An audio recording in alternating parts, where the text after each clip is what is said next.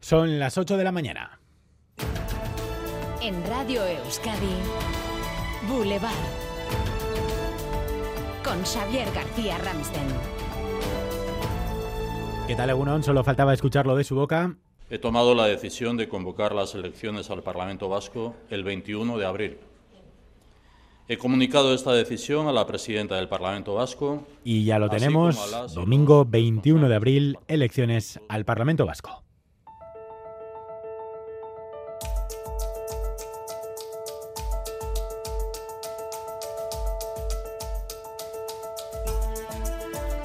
Anuncio solemne del Endacari en Ajurienea tras reunir ayer a su Consejo de Gobierno se pone así fin a la legislatura, la tercera y última de Íñigo Urcuyu tras 12 años en el Gobierno con el final de ETA, la pandemia y las consecuencias de una guerra en el medio. Urcuyu daba ayer lo primero gracias a la sociedad vasca. Recordaba explícitamente además a los dos trabajadores fallecidos en el derrumbe de Zaldívar, a todas las mujeres asesinadas y a todas las víctimas de la pandemia.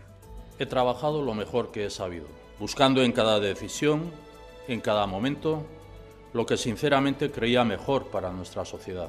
Espero haber procedido con el debido respeto, así lo he intentado siempre. Pido perdón por mis errores y doy las gracias a Euskadi por todo lo que se me ha dado. La campaña electoral comenzará por tanto el 5 de abril, en plena semana de Pascua y en vísperas de la final de la Copa del Rey que veremos quién juega. A ningún partido le ha pillado la fecha por sorpresa y todos trabajan ya para dar a conocer sus propuestas y este año especialmente a sus candidatos. Pradales, Ochandiano, Andueza, Gorrochategui, García, De Andrés, es algo casi inédito. Cinco de los seis candidatos son nuevos. ¿Qué han dicho tras desvelarse esta fecha, María Ruiz? Sí, mensajes ya de pre-campaña. Desde H. Bildu piden que se haga una campaña limpia. El Carrequín Podemos y Sumar, que se presentaran por separado, subrayaban las leyes que se han quedado fuera en una legislatura que dicen estaba agotada hace tiempo. En el Partido Popular y Vox destacan aspectos que se han quedado sin solucionar y que el Lendakari no hablaba de aquellos datos que no le eran favorables. Por su parte, los partidos de gobierno, PSE y PNV, valoración positiva de la legislatura y del legado de Íñigo. Enseguida les escuchamos y hacemos también balance de la legislatura y en media hora edición especial de los diálogos esta mañana con Marta Martín, Iñaki Soto, Natalia Rojo y Braulio Gómez y entrevista esta mañana a partir de las 8 y media, 8.40 con el cabeza de lista del PNV por Álava que también se estrena Joseba Díez De 31 años. Antes otras noticias de este viernes 23 de febrero en titulares con Asier Herrero.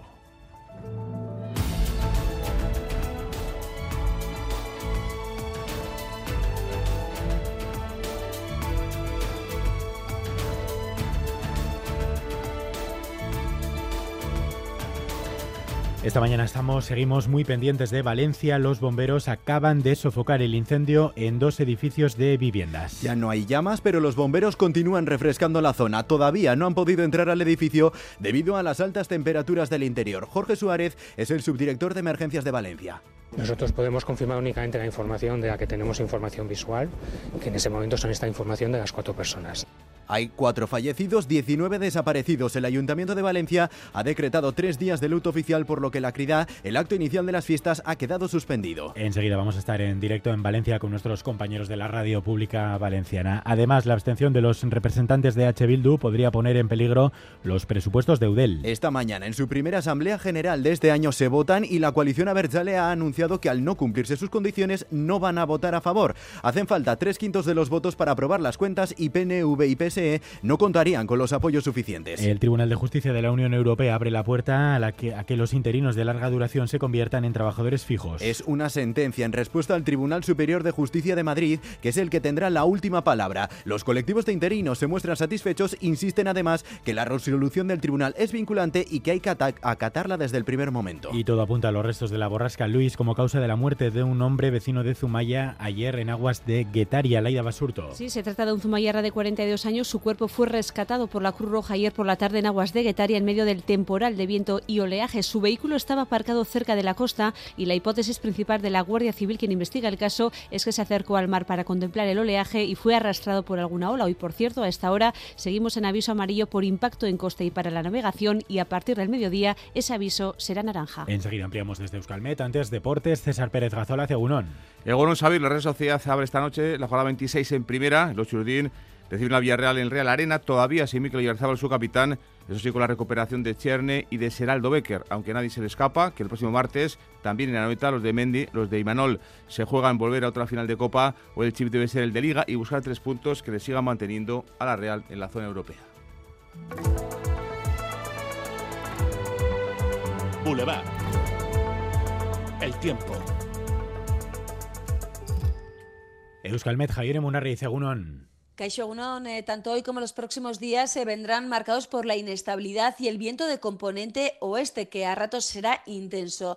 De momento, durante la mañana, hoy el viento va a soplar del oeste en la costa sobre todo, y por ello los chubascos se, sucederán en la franja costera, mientras que en el resto, sobre todo en Álava y en Navarra, prácticamente no esperamos precipitaciones y la nubosidad a primeras horas estará bastante rota en la mitad sur. Sin embargo, a partir del mediodía, el viento va a soplar ya del oeste-noroeste y los chubascos serán más frecuentes y también irán entrando hacia el interior, sin descartar que pueda producirse alguna tormenta en el norte. El ambiente ya va a ser más frío, con máximas que se van a quedar entre los 7 y los 12 grados y la cota de nieve se va a situar en torno a los 800 metros durante la segunda mitad del día. Hace lo que tiene que hacer. Eh, frío a esta hora. 2 grados en Iruña, 3 en Gasteiz, 7 en Bayona y Donostia y 8 en Bilbao. En en los arcos tenemos 3 grados. Aupa, agur. Egunon, Bermion, beratzi grado, asteburu ona pasa. Egunon, gaur elean 0 gradu, odeiak eta oskarbi. Asteburu on, agur.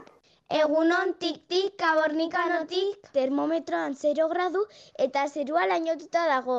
Ondo pasa eguna! Boulevard. Baritec, expertos en eliminar todo tipo de varices en Bilbao, Donostia y Gasteiz, patrocina la información del tráfico. Sin problemas hasta ahora en las carreteras, más allá de las eh, retenciones de la densidad habitual, lo está comprobando la unidad móvil de Radio Euskadi, Natalia Díaz Egunon. Egunon, sí, así es. Acabamos de pasar por el corredor del Chorierri. Hay densidad de tráfico, la habitual de estas horas. Lo hemos comprobado también en el puente de Rontegui, poco antes en la avanzada y ahora la estamos viendo en la 8. Estamos a 7 grados de temperatura y ojo, porque está lloviendo está mojada y además rachas de viento en zonas y como hemos escuchado, pues que se espera más, sobre todo en la zona costera, a partir de la tarde. ¿Llevas tiempo con varices y necesitas una solución definitiva? ¿Te gustaría informarte sobre los nuevos métodos sin cirugía? En Baritec hemos preparado los siguientes eventos para resolver tus dudas. 27 de febrero en Arrasate, en Garaya Parque Tecnológico A. Y 29 de febrero en Durango, en Silken Gran Hotel. Ambos a las 7 de la tarde. Entrada libre. Te esperamos. Más info en baritec.es. Ayúdanos a mejorar nuestra información con tus comentarios, fotos y vídeos. Envíalos al WhatsApp de Radio Euskadi 688 840 840.